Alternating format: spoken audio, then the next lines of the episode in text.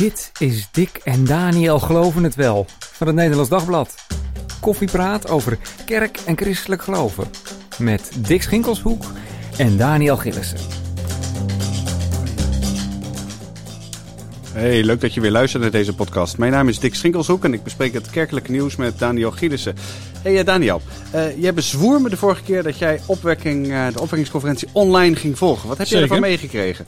Nou, ik heb zondagochtend gekeken, uit mijn bed gerold zo de bank op voor de televisie. Je bent uit je bed de bank opgerold. Ik wil dat een of andere niet voor me zien. Ja, dat kan hè. Maar daar heb ik de dienst van zondagochtend gekeken. Op jouw gênant grote tv-scherm. Jij weet dat ik beschik over een inderdaad grote televisie.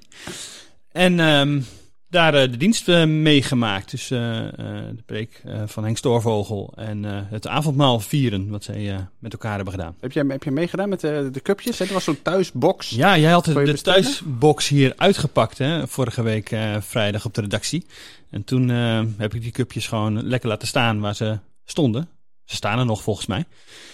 En... Um, Hoe lang zouden die cupjes houdbaar zijn eigenlijk? Ik denk best lang. Het is gewoon een soort, uh, soort cellofaantje erop. Dus dat zit gewoon vacuüm verpakt. Dus dat kan nog wel een jaar mee. Nemen we ze straks mee.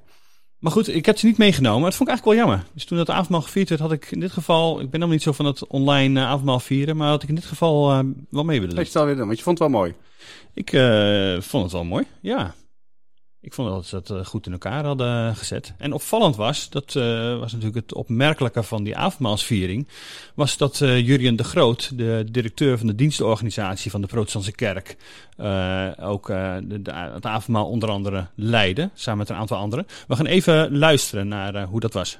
Wat is het bijzonder om vandaag hier in de zonnehaal met jullie ook het avondmaal te vieren. En vanuit al onze verschillende achtergronden ervaar ik vandaag zo weer opnieuw dat we één zijn in Christus. En als ik dit brood zie liggen, dan is dat zo omdat dit brood één is. Ja, dus een nadruk op uh, de eenheid legde hij, samen dus met uh, de andere Pinkstergelovigen daar. Ja, want uh, protestantse kerk, dat, wat is het mainstream protestants? Uh, er zit mist van alles aan radicaliteit als je het uh, aan heel veel evangelische en ja. christenen vraagt.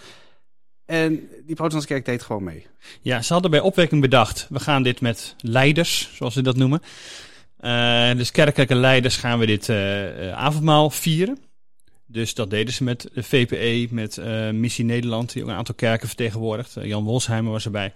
En uh, dus met Henk Stoorvogel en met de Protestantse Kerk, Jurien de Groot. Dus hadden de Protestantse Kerk gevraagd, doen jullie mee? Nou, die vinden dat meteen fantastisch. Want die zeiden, ja, wij streven naar een grote kerkelijke eenheid. Dus daar past opwekking goed, goed in, zei, zei de Groot bij ons in de krant.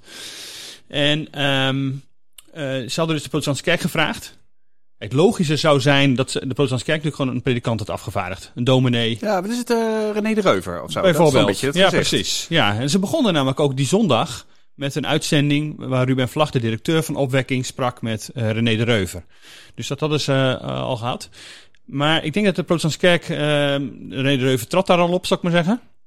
En uh, de synodevoorzitter Marco Batenburg had een, uh, had een, um, een uh, blijndensdienst in Gouda, zag ik op Twitter. Dus die zal om die reden er niet bij hebben kunnen zijn. Maar denk je dat ze dan gewoon als dacht, alle, alle dominees hebben afgebeld? Die riepen allemaal van ja, nee, nou, sorry, het is eerst Pinksterdag, ik moet gewoon voortgaan allemaal hoor. afgebeld, denk ik, denk ik niet. Maar ze zullen vast even in die top, zeg maar even zeggen van de protestantse kerk nagedacht hebben van wie kunnen we hier het beste naartoe sturen. En uh, Jurien uh, vond het wel mooi om te doen. Dus de directeur mocht de avondmaal uh, bedienen. Dat is, dat is wel gek, toch? Vanuit protestantse, Vanuit protestantse oogpunt. Ja. Is dat niet logisch natuurlijk? Daar doet een predikant het. De ouderling mag het niet eens. Dus dat is opvallend. Maar goed, hè, het is opwekking. opwekking mag alles. Ja, ja precies. Ja. Dat, dat, maakt voor opwekking natuurlijk helemaal niet uit. Er zijn meer mensen die, die volgens de protestantse regels het avondmaal niet zouden mogen bedienen. en dat maakt op dat moment niet uit. Hij vertegenwoordigt daar de protestantse kerk. En uh, vond het dus belangrijk om, daar, uh, om daarbij te zijn. Ik vond het wel mooi, weet je dat? Het is toch een soort eenheid die, denk mensen, uh, feitelijk al lang voelen. Dat je die ook op zo'n niveau ziet. Er komen ontzettend veel mensen uit de protestantse kerk. die gaan er al jaren naartoe. En dat dan ook iets van hun kerk daar, daarbij is. En misschien Ja. volgend jaar, weet je, smaakt het naar meer en zijn er nog veel meer kerken. Ja. Ja, kijk, ze zeggen bij, bij opwekking van we weten nog niet of we dat heel erg gaan uitbreiden hè, op dit eh, vlak. Want ja, wij zijn niet voor die kerken eenheid, wij, hè, wij vieren ons festival. Eh, tegelijk is het natuurlijk ook Ja. wel weer relevant Het voor zal een beetje ze Pinksterfeestje blijven, zeg maar. Dat zal allicht, ja. Hè, wat, wat Miranda Klaver in onze podcast eh, twee weken geleden ook uitlegde. Van het is natuurlijk dat ze willen dat wel een soort in hun eigen hand houden. En opwekking is daar ook wel mee bezig natuurlijk om het, om het opwekking te laten zijn. Tegelijk natuurlijk, die, er komen veel mensen uit bijvoorbeeld de protestantse kerk. Dus is het ook wel relevant om die kerkleiding erbij te betrekken. Zodat je toch het gevoel hebt van oké, dit wordt eh, eh, gesteund ook. En dat is Ja. wel in lijn met wat er ook in 2007 gebeurde. Hè, toen eh, Bas Plezier heeft toen in de, het Olympisch Stadion in, in Amsterdam zijn excuses aangeboden aan de Pinksterbeweging die toen Jij, 100 jaar jij was daarbij. Jij was ik was daarbij als verslaggever. Ja. zeker. Ja, dat was groot nieuws. Het, volgens mij toen ook de voorpagina van het Nederlands Dagblad gehaald. En eh, hij maakte daar zijn excuses naar van hoe eh, de, nou ja, de gevestigde kerk, zal ik maar even zeggen, met de vrije eh, groepen eh evangelisch Pink- Pinkster was omgegaan. En nou ja, daar wordt uiteindelijk wel gewoon op voortgebouwd nu. En nu is dat gewoon weet je, veel minder een punt natuurlijk om daar gewoon aan mee te doen. Ja, we hadden daar strijd 20 jaar geleden maken, of ja. 10 jaar geleden hadden we daar synode, op de synode vragen over gehad. Ik denk niet dat dat nu nog een item is. Weten we iets over eh, cijfers? Bezoekcijfers? Kijkcijfers? Ja, die, eh, die zijn er, maar nog niet. Kijk, je kunnen met dit soort dingen, dat is met, met eh kijk- en luistercijfers van de NPO en zo. eh, hoe hard kun je het allemaal precies zeggen wat het is? Dus, eh, zeker met livestreams is dat wat ingewikkeld. Eh, ze hebben de boel bij elkaar opgeteld eh, van de week. En hebben ergens het idee dat, er, dat ze boven de 200.000 kijkers eh, hebben gehad, alles eh, bij elkaar. Ze hebben natuurlijk ook op zondagochtend was er ook eh, uitzending eh, via NPO 2. Dus eh, was het ook op televisie gewoon. Dus te- dat te wordt meege- meegerekend. Dat, dat wordt ook wel veel. Ja, precies. Dus dat gaan ze ook bij tellen. Maar dat zou echt wel een groot bereik zijn. Hè? Want vorig jaar hebben ze ook online wat gedaan. Toen hebben ze naar verwachting zo ongeveer 100.000 mensen bereikt. Nu denken ze zeker eh 200 tot, tot 300.000. Dus dat zou een verdubbeling of verdriedubbeling zijn. Ehm, en ik, normaal komen daar nou ja, 65, 70.000 65.000, ja. eh, mensen over de vloer bij opwekking als het in Biddinghuizen is. Dus online heeft wel een groot bereik en ze willen daarom ook wel online verder. Ja, precies. Dat laat je natuurlijk niet meer los. Zeker. Je hebt dat allemaal uitgedacht. En eh, dat, eh, dat snap ik wel. Hey, nu, nu we het toch over cijfers hebben. Hè? Want de, eh, bij opwekking, nou, dat gaat eigenlijk, eigenlijk hartstikke goed. Ik bedoel, dat is, een, dat is een conferentie die al jaren qua bezoekersaantallen in de lift zit. Eh, maar kijk je nou bijvoorbeeld naar kerkcijfers. We hadden nu, wat is het vandaag? Het nieuwtje. De hersteld hervormde kerk daalt eigenlijk voor het eerst in zijn, in zijn Ja, bestaan. Als krimp. ik het wel heb. Ja, klopt. Daar, daar, daar gaat het helemaal niet zo ontzettend eh, mooi mee. En je hebt dat even op een rijtje gezet. Dus daar was ik Ja. wel benieuwd naar wat je ontdekt hebt. Nou ja, we hebben natuurlijk de laatste, nou ja, sinds zeg maar januari gaat er dan de eerste cijfers komen dan een beetje binnen van hoe ziet het eruit. Hè? Als, eh, er zijn kerken die ledenaantallen goed bijhouden voor het, eh, voor het jaar. En we hebben nu eigenlijk van de meeste kerken wel hun cijfers binnen. Daarbij zie je dat inderdaad hersteld hervormde kerk en de gereformeerde gemeente, die ja, nou met elkaar verwant zijn, een beetje bevindelijk gereformeerde zal ik maar zeggen, eh, dat die redelijk gelijk blijven. Dat geldt ook voor de, de Nederlands gereformeerde kerk, dus de, eh, ooit bij de, bij de afsplitsing van de vrijgemaakte. Nou, een heel klein orthodox Ja, gereformeerd dat is een kerk. goede kerk- 30.000 zeg maar. Ja. Ehm want kijk, hij herstelt de vorm. De kerk zit op een, eh, zit ongeveer 60.000. Eh, de, de gemeente is bijna twee keer zo groot, met een kleine 110.000 leden. Nou, Nederlands gereformeerde van ongeveer eh 30. Eh, die ze blijven allemaal redelijk gelijk. Zit ietsjes in de daling of een lichte stijging bij de, bij de gemeente. En de cijfers ook net Ja. bekendgemaakt. Er zit iets groei in. Maar gereformeerde dalen. Dat is ook al een trend die wat langer gaande is. Dus die, die ja, gaan straks onder de 70.000 eh, komen. En eh, ja, de, de vrijgemaakte hebben natuurlijk, eh, die gaan hard Ja, die gaan echt hard nu. Hè? Dat, eh, Ja. En daar zie je wel dat het, dat het eigenlijk elke jaar gewoon met 2000 eh, naar beneden gaat. Dus dat tikt wel aan. die gaan op een gegeven moment passeren die de, de gereformeerde gemeente. Dat is dan de eerstvolgende, denk ik. Hè? Die ja. hebben er 110 en zij, ze- de Ja, vrijgemaakt zit 112. op 112 ja, ja. er waren, er kwam een beetje van 120 vandaan, zeg maar. Dus straks zit- zijn ze niet langer het, het tweede protestantse kerkgenootschap van het land, maar het derde. En de gereformeerde gemeente het tweede het Tweede Protestantse Kerkgenootschap. Dat, zijn wel, dat zijn wel momenten om even te markeren. Ja, precies. Dat is natuurlijk echt wel een opvallende ontwikkeling. En uh, je ziet ook dat uh, vrijgemaakten. Um, uh, die hebben nog wel last van leeglopen, een beetje ook aan die, aan die rechterkant. Voor een deel, als mensen dus naar een andere kerk gaan, ja. dan zijn het ook wel, nou ja, zeg maar even bezwaarden die zeggen van dit is eigenlijk niet meer de kerk waar ik, uh, waar ik bij wil horen. Ja, want dat hadden we een tijdje geleden over die conservatieve uh, wat is het, die conservatieve vrijgemaakt, zeg maar, die zich tegen de, de vrouw in het ambt keren. Hè? De, de vrouw die nu, wat is het, ambtsdager kunnen worden, zelfs, uh, zelfs predikant. Ja. Dus voor het protestantse gevoel toch nog wel weer net een stapje verder. Die dan heel vaak lid worden van de, van de Gifmiddenbond. Mm -hmm. uh, op een of andere manier is dat natuurlijk, is het kerkelijk gezien wel een beetje, een beetje ironisch, vind ik dat zelf. Ja. Want ja, uh, weet je, die, de, de de Bond heeft er altijd voor gekozen om binnen die grote protestantse ja. volkskerk te blijven. Dat de was voor die helemaal niks, hè? Precies. Die vonden nee, dat, niks. Nee, die vonden dat half. Dat was Ja. niet, niet, niet, niet consequent. Dat Nee. was niet... De steltevormde kerk was hè, toen in 2004, zei de vrijgemaakte, dat is misschien wel een, eh, nou ja, een plek waar wij naar terug zouden kunnen. En toen bleek natuurlijk wel dat het eh, ja, totaal andere cultuur was dan, eh, dan vrijgemaakte Precies meer reformatorisch dan, dan, dan Dus dat past vrijgemaakt. helemaal natuurlijk niet. En nu zie je inderdaad dat ze naar de Gifmiddenbond uh, gaan, waar eerder de Gifmiddenbond vooral gevoed werd door de Gifmiddengemeente. De, de weglopers, de, de Gifmiddengemeente heeft ook uh, 2000 verloop elk jaar. Die gaan nu heel veel naar de herstelde vormde kerk Ja, toe. precies. Daar gaat ze... De, Maar geen groei dus hè, bij, die, bij, dat, bij de herstelde vormde kerk. Gaan uh, nu vrijgemaakte naar die Gifmiddenbond. En dan uh, gaat het ook echt wel om uh, steeds een beetje van die golfbeweging. Dat er uh, grotere groepen, soms wel vijf, zes gezinnen per uh, naar, naar zo'n naar een andere gemeente overstappen. Naar uh, de Gifmiddebond binnen de protestantse kerk. Die dan ook wel een beetje zitten te kijken van... Hey, wat doet dat met ons ja, kerk zijn, ja. gemeente zijn? De manier waarop wij dat als, als hervormden zeg maar, dan gewend zijn. Datzelfde hadden ze eerder dus met, bij de Gifmiddengemeente en nu bij vrijgemaakten. Ja, weet je wat ik dan even zit te denken? Even hardop, uh, hardop voortbordurend op wat, nou, wat er ergens allemaal in de kerkelijke pijplijn zit. Je ziet dan dat die, die, die bezwaarde vrijgemaakten, die worden dan zeg maar lid van de protestantse kerk, van zo'n de bondsgemeente. Ja. Uh, ik kan me zomaar voorstellen dat die fusiekerk van vrijgemaakte Nederlands gereformeerd op den duur met de protestantse kerk gaat, gaat praten Ja. en met die protestantse kerk gaat samenwerken. En dan zul je toch niet meemaken dat die, dat die bezwaarde vrijgemaakten uit de kerk zijn gestapt, waar ze op een gegeven moment in dat grote, wat is het protestantse geheel weer in terechtkomen. Ja, dat zou wel ironisch zijn. Maar het kan heel goed. Het, kijk, het is natuurlijk ook zo dat de protestantse kerk veel breder is dan zij uh, uh, vinden dat kan. He, ze, hebben, ze hebben bezwaar tegen vrouwen in het ambt en zo. Alleen uh, die gemeente bondsgemeenten, die hebben een hele klassieke, vaak klassieke uh, liturgie in de eredienst. Dus dat trekt dan aan. Ja, veel, veel psalmen. Veel psalmen, precies. Ja. Tien geboden die gelezen worden enzovoort.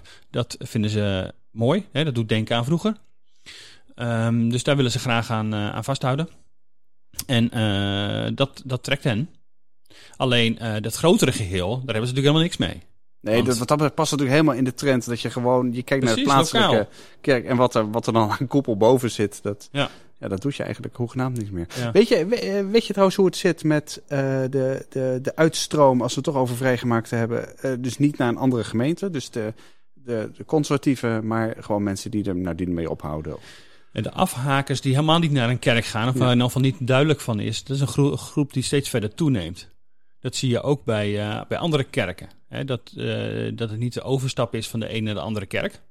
Ja, dus bij vrijgemaakten zo, dat is eigenlijk dat overal, is overal dat is de grootste groep. Ja, en je ziet, uh, kijk, de, de, de, van de week verliet nog een, een prominent, zou ik maar even zeggen, de, de Gif met de Kerken vrijgemaakt. hoogleraar, emeritus hoogleraar Frank van der Pol. Die gaat naar zo'n afsplitsing, zo'n klein ja. clubje, zal ik maar even zeggen. Van, die hebben we dan ook nog. We ja. hebben twee kleine uh, uh, afsplitsingen van de vrijgemaakten. Uh, die nu trouwens weer proberen samen te komen. Dus het is ook alweer grappige ontwikkeling. maar die is daar naartoe gegaan. je ziet voor de rest natuurlijk dat er gewoon veel mensen überhaupt afhaken. En de protestantse kerk heeft later ook dit jaar becijferd dat uh, de groep afhakers, die dus niet meer naar de kerk gaan, zich echt uit laten schrijven, groter is dan het aantal mensen dat door overlijden, uh, dat ze verliezen door overlijden. Want eerder werd vaak gedacht bij de protestantse kerk. Precies, ja. Die dat, gaan dat allemaal, die ook, overlijden, ja. vergrijsd, dus groot... Um, zo van de kerkverlating, dat was allemaal jaren tachtig ja. en zo, dat hebben we wel gehad, jaren negentig. En nu is het vooral de, de vergrijzing, maar dat is dus helemaal niet waar. Dat is dus niet waar. Uh, 60% uh, laat zich uitschrijven. En 40% uh, komt door overlijden van degene dus die vertrekken, zal ik maar even Ja, zeggen. dat is bij de protestantse kerk Bij de protestantse kerk zo. Eh, en bij vrijgemaakte eh, zie je ook gewoon dat die groep bij, eh, die, die dus niet meer naar de kerk gaat, eh, toeneemt. Ja. Dus die, als je naar eh, die uitstroom eh, kijkt, dan eh, is, is, ehm, is die, die, die tendens gewoon eh, eh, ja, groeiende. Met, eh, het wordt groter. Ja, ik wil op geen enkele manier de, de kaalslag relativeren die daar gaande is. hè, In de, in de Mhm. grote Nederlandse kerken, die nu misschien ook wel zich gaat voltrekken in de, in de kleinere eh gereformeerde kerken.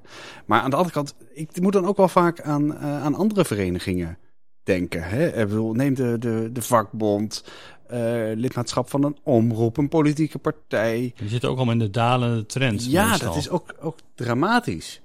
En ik denk dat, dat kerken zich ook wel heel erg hebben vormgegeven als verenigingen, hè, waar je naartoe gaat, waar, Mm. je, waar je iets gaat bijdragen.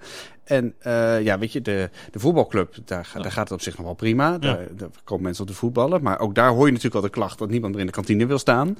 Ze willen eh, niet meer meedoen. Alleen op het veld, maar niet in de vrijwilligerssfeer. Precies, en misschien is dat met geloof, denk ik, steeds vaker ook wel gewoon ontzettend zo. Dus vaak het idee van hè, eh, secularisatie, mensen, Mhm. mensen geloven niet meer.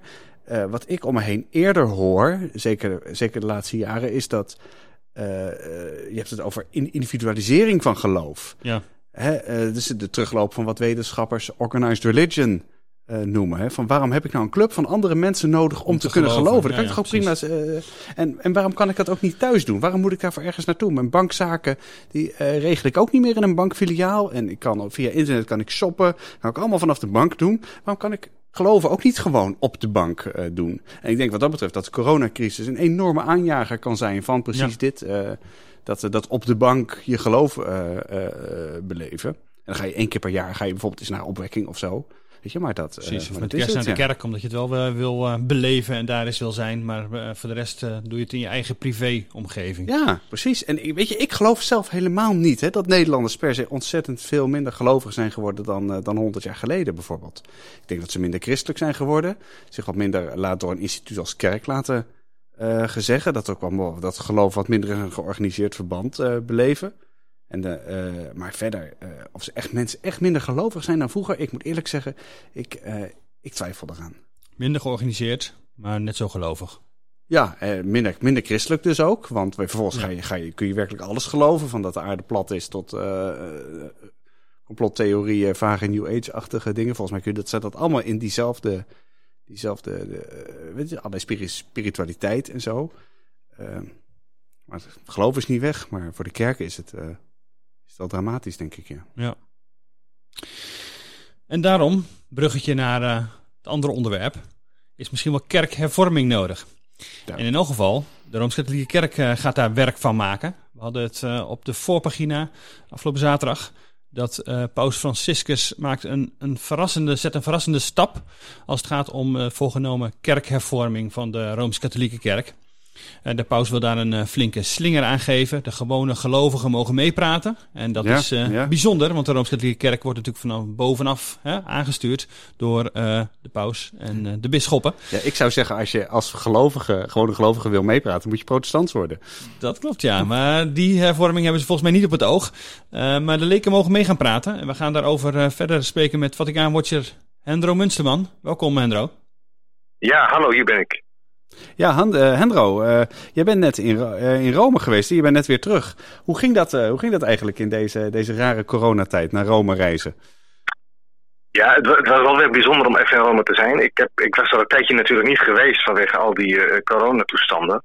Eh, Ja. En Rome opent zich weer. Hè. Dus ik, ik, ik ben met de trein gereisd. Dat is heel gedoe natuurlijk met allerlei testen die je moet overleggen en eh, heen en weer en zo. Maar, maar het, is, het was wel heerlijk om te zijn. Het was prachtig weer weer. En de stad is heerlijk leeg. Dus je, je hebt niet al die Oh, ja. miljoenen toeristen en die duizenden mensen die door die straten lopen. Die was Rome voor jou Het gewoon. was gewoon een. Ja, ja, nee, nee, dat is heerlijk. Dus ik ga, ik ga binnenkort weer. Ehm, ehm, nee, het, het was erg goed en ik heb ook heel hard gewerkt voor de krant. Eh, dat hebben de lezers al een beetje kunnen merken en dat gaan ze de komende dagen nog meer merken. Ja. Ehm, eh, want er zijn natuurlijk hele mooie, prachtige en, en interessante verhalen te vertellen uit de eeuwige stad, zoals we dat dan noemen. Ja, Ja. want eh, jij bent ook bij kardinaal Pel eh, thuis geweest. Hè? Even voor de context, die, die kardinaal die in Australië in de gevangenis heeft gezeten. Omdat hij, eh, eh, wat is het op verdenking van, eh, nee niet op verdenking, hij was schuldig bevonden aan, aan misbruik. dat is hij nu niet meer. En jij was bij hem thuis in, in Rome. Hoe, hoe was ja, dat? dat was toch wel bijzonder hoor. Ja, dat was toch wel bijzonder. Kardinaal Pell is echt iemand hoor. Dat was dus echt de derde man van het Vaticaan. Echt enkele jaren lang. Hij, hij moest de financiële hervormingen doorvoeren. Uh, ging heel voortvarend te werk. Uh, zat hoog in de boom. Echt ontzettend hoog in de boom. Werd beschuldigd van seksueel misbruik. Is twee keer veroordeeld door een jury. Um, zoals het in Australië gaat in het rechtssysteem. En uiteindelijk zijn die, zijn die uitspraken door de Hoge Raad unaniem van tafel geveegd. Want het kon gewoon niet. Dus die jury, die jury's, beide juries hebben zich volstrekt vergist. En de beste man heeft uh, onschuldig uh, 404 dagen in een Australische gevangeniscel gezeten. Nou, um, en hij is terug in Rome en hij wilde me ontvangen. Um, uh, dat was, daar heb ik echt heel wat voor moeten vechten. Uh, maar het is allemaal gelukt. En uh, inderdaad, hij stond in de, in de deur van zijn appartement vlakbij het Sint-Pietersplein. Stond hij op mij en mijn fotograaf te wachten. En we hebben een heel goed gesprek gehad, dat vorige week in de krant is, heeft gestaan. Um, en dat was toch wel bijzonder hoor. Dus dat, dat zijn van die dingen die je, die je voor elkaar kunt boksen als je lang op een dossier zit, als je je contacten hebt ja. en als je, als, je, ja, als, je, als, je, als je ergens weet binnen te komen. Ja. ja, want je moet je echt naar binnen praten, hè? Dat is wel hoe het werkt. Vechten zelfs. Ja, ja, maar... ja. Ja, nee, dat is echt, en dat gaat dus ook over allerlei schijven. Hè? Dus dat gaat dan via een uitgever in Amerika. En die man komt uit Australië, maar die zit nu in Rome. Dus je, uh, en dan zit er weer een of andere vrouwelijke religieuze non tussen die de boel probeert te blokkeren. En dan moet je dan weer overheen. Dat is, dus, dus het is heel interessant hoe dat allemaal functioneert. Maar het is allemaal gelukt. Ja, ja. goed. Hey, maar even, even uh, denk jij zelf ook dat Pel onschuldig is? Ik bedoel, hij is toch ook gewoon twee keer veroordeeld. Misschien heeft hij wel gewoon ontzettend goede vrienden daar uh, in, in Australië. Nee. Nee, ik ben, ik ben er heilig van overtuigd. Um, alle kaarten op tafel. Kardinaal Pell en ik, als we het over mijn persoonlijke geloof en mijn persoonlijke theologie hebben, zitten kardinaal Pell en ik gewoon niet op dezelfde lijn. Dat weten we van elkaar ook, heb ik hem ook gezegd. Um, uh, hij, is, hij is een criticus van Paus Franciscus in zekere zin. Hij, hij is een hele sterke, conservatieve Australische prelaat. Um, uh, maar op dit punt van het seksueel misbruik, ik denk dat hij in dit geval van die 13-jarige jongens die hij misbruikt zou hebben, ik ben er heel stevig van overtuigd dat hij hier echt onschuldig is geweest. En hij noemt zichzelf ook een zondebok en ik denk dat hij daar ontzettend gelijk in heeft. Ja, er was ja. van alles mis in de Australische kerk, maar hij was niet mis. Nou ja, ik denk dat, dat hij op een aantal punten wel mis is. Bijvoorbeeld, ik ben, het, ik ben het persoonlijk helemaal niet met hem eens als hij zegt dat de opwarming van de aarde niet door de mens komt. Hè. Dus hij is, hij is helemaal niet blij met de, met de groene politiek van Paus Franciscus bijvoorbeeld. Hè. Nee, maar op het gebied van misbruik, uh, dus, daar heeft hij in ieder geval. Uh, op het gebied van misbruik, ik denk dat ik denk dat kardinaal Pell één groot manco heeft. En hij heeft een, een volstrekt gebrek aan empathie. Of in ieder geval, mm. hij weet die empathie niet te, niet te laten zien. Hij kan het niet laten zien in de openbare ruimte, in de media en zo. Dus het, hij komt een beetje over als een wat coole man in de media altijd ja, ook. Hè? Een beetje hoekig. Uh, ja. Een beetje hoekig. En als je dan bij hem thuis zit, in die, in die, in die, in die stoel die hij voor je klaar heeft gezet, dan wordt het toch ineens een ander, een ander soortige figuur. Um, en, en, maar heel serieus, hè? als je heel duidelijk kijkt naar, naar de, de, de feiten en de bewijslast die tijdens het proces naar boven is gekomen, dit misbruik kon gewoon feitelijk niet plaatsvinden. Nee. Het, het, was, het, was, het was fysiek onmogelijk voor Pel om op dat moment in dezelfde ruimte te zijn als die twee jongens, waarvan er nog maar eentje leeft. Hè? Dus er was maar één getuige. Er was geen enkele getuige. Er was één iemand die zei hij heeft mij misbruikt. Er waren geen getuigen. En het kon feitelijk gewoon niet plaatsvinden. Nee. en zo'n jury heeft zich dus laten in de luren laten leggen door um, een beeld dat van de kardinaal ges ges geschapen is. Van een afstandelijke, starre, uh, klerikale man. Van een, van een katholieke kerk die vreselijke dingen heeft uh, toegelaten ja. en ook heeft gedaan. Ja, dus dat misbruik in Australië was verschrikkelijk. Hè? Dat is echt on, dat is de spaargaten uitgelopen. Er is geen land in de wereld waar zoveel misbruik is geweest als daar. En dat heeft de objectiviteit van de rechtsgang echt geschaad, naar mijn gevoel. Ja, ja maar goed, maar als hij het niet gedaan kan hebben, dan is, dan is hij onschuldig. Zo, uh, zo werkt het ja, natuurlijk. Ja. hey, uh, Hendro, uh, waar we nu even met jou, met jou over willen hebben, dat is het, het grote thema van nu hè, in de katholieke kerk, synodaliteit. leg even uit, wat, wat betekent dat precies? Ja, ja, dat is een lastig woord. Hè? En dat is dubbel lastig, omdat uh, onze protestantse luisteraars met synodaliteit niet hetzelfde bedoelen als katholieke luisteraars. Oh, maar ik ken protestantse dus, luisteraars het woord niet eens. Nou, maar jullie hebben wel synodes en, en jullie weten hoe, uh, hoe een synodale kerk en zo werkt. Weet je? Dus, nou goed, in de katholieke kerk betekent het toch even wat anders. Hè? Dus um, je moet je voorstellen dat sinds een jaar of zestig is de katholieke kerk bezig met een soort vernieuwingsproces. Hè? Het Tweede Vaticaans Concilie in de jaren 1962, 1965 uh, zijn er zaken gaan schuiven. Nou, er zijn een heleboel dingen allemaal al veranderd ook. Hè? Dus als het gaat over de liturgie, over, over de manier waarop de paus en de bisschoppen samenwerken, over de ecumenen ook. Nou, maar een van die dingen die weinig veranderd zijn, is inspraak van gelovigen, van gewone gelovigen. Ja. Het is nog steeds een top-down kerk. Die is er niet of nauwelijks. Ja? ja. Uh, uh, uh, en, en als je er is, dan, is het, dan wordt het gegund omdat je toevallig een leuke pastoor hebt of een leuke bisschop. Ja. ja. Maar het wordt veel te weinig georganiseerd. Ja? En het is nog heel erg top-down en, en, en het, ook heel veel achterkamertjespolitiek. Hè? Dus hoe komt een bischopsbenoeming tot stand? Hoe, komt jou, hoe krijg je als parochie een nieuwe pastoor? Daar hebben gelovigen helemaal niets over te vertellen. Nee, je krijgt nou, gewoon toegewezen en that's it. Ja. ja. Punt. En, dan, en, dan, en dan, dan moet je maar hopen dat de Heilige Geest zijn werk goed gedaan heeft. Um, ja, nou, die cultuur, die hele klerikale cultuur, die in andere werelddelen nog veel sterker is dan in ons werelddeel. In Europa zijn we langzaamaan toch ook gewend geraakt aan, aan, aan leken die meewerken, bijvoorbeeld als pastoraalwerkers of in een bepaalde functie in het bisdom en zo. Nou, bij ons is, zijn we al een paar stappen vooruit dan als je bijvoorbeeld kijkt in Azië. Ja, of als je kijkt in Afrika of in, in, in, in andere werelddelen. Waar die, dat klerikalisme nog een stuk uh, sterker is. En waar gelovigen dus, en dat is eigenlijk een beetje het theologische probleem van het hele geval. Waar gelovigen eigenlijk verworden tot een soort klanten van de kerk. Ja? Mm -hmm. Als je weer naar de kerk komt en, en, en, en maar naar de mis gaat als, als een soort klant, maar niet als mede verantwoordelijk voor het leven van de kerk. Ja, maar even, even, even scherp gezegd, Enro. Ja? In het hele katholieke kerkmodel ja werkt het toch ook gewoon zo? Uh, bedoel, uh, ja, nou, dat, dat is ook ja, wat, ja, maar wat, dat is ook. wat kun je daaraan doen? Wat kun je daar nou echt aan doen? Ik bedoel, het is toch gewoon nou, de bisschop die bepaalt? Wat Paus Franciscus vanaf het begin van zijn pontificaat probeert, is om deze synodaliteit, en hij zegt dan synode komt uit het Grieks, dat betekent samen op weg zijn, samenlopen. En dat betekent dus dat bisschoppen, priesters, diakens, de gewijde Amsterdammers, maar ook de gewone gelovigen, om, ze zonder, om onze zonder even zo te noemen, mm. samen op weg zijn. En dat, en dat de Heilige Geest ook in, de, in het gelovige volk iets te zeggen heeft over de kant die de katholieke kerk op moet. Over daar wil hij iets mee. Daar wil hij iets mee. Met dat... En daar wil hij heel uitdrukkelijk iets mee. En wat hij dus gedaan, en dat, dat thematiseert hij dus nu. Hij zegt, ik wil een nodig over deze synodaliteit, over de inspraak van gelovigen in de weg die de kerk gaat. Mm En die bisschoppensynode heeft hij een week, een jaar vooruitgeschoven. We doen het niet in 2022, we doen het pas lekker in 2023. Want dan hebben we veel meer tijd om het voor te bereiden. En dan hebben we uitgebreid twee jaar de tijd om om gelovigen mee te laten praten over hoe ze in de toekomst mee kunnen praten. Maar hoe ver, hoe ver nou, kan dat, dat dan gaan? Nou, dat, dat is helemaal onduidelijk. Er is geen enkele agenda momenteel. We weten niet welke vragen gesteld gaan worden. Gaan worden. Daar wordt nu aan, gewerkt. Ik sprak uh, uh, enkele dagen geleden met een theoloog uit uh, België. Die zit in de commissie die, dit allemaal voorbereidt. Die dit methodologisch ook voorbereidt. Binnenkort komt zijn interview in de krant.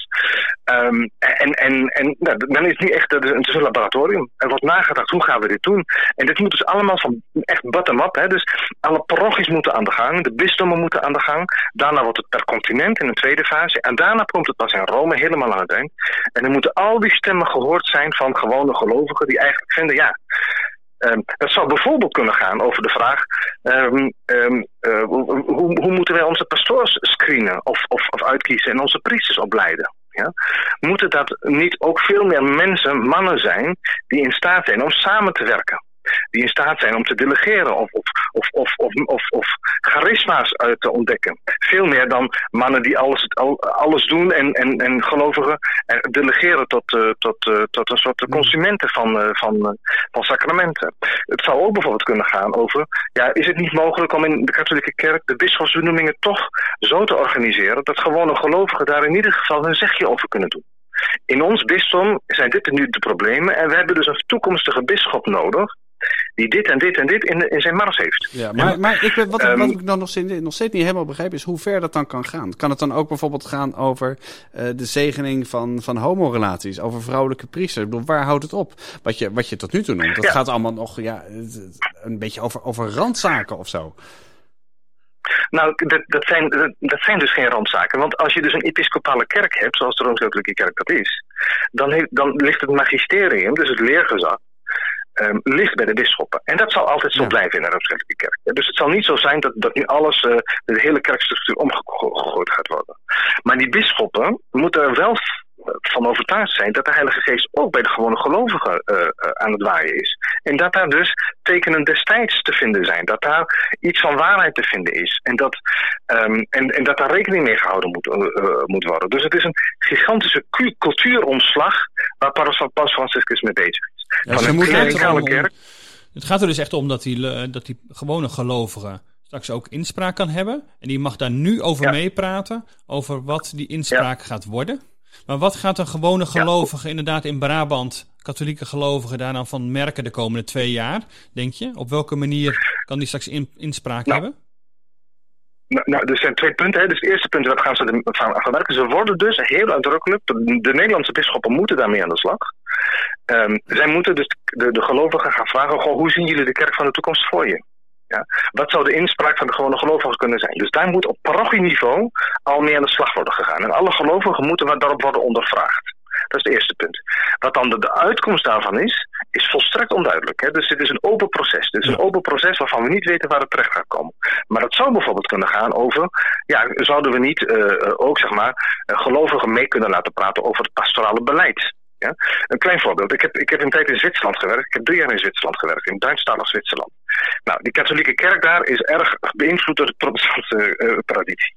Daar werd gewoon elk jaar, moesten wij als pastores, de pastoor en ik als pastoraal werker en nog een collega pastoraal werker, moesten we ons beleid verdedigen tegenover de verzameling van de gelovigen.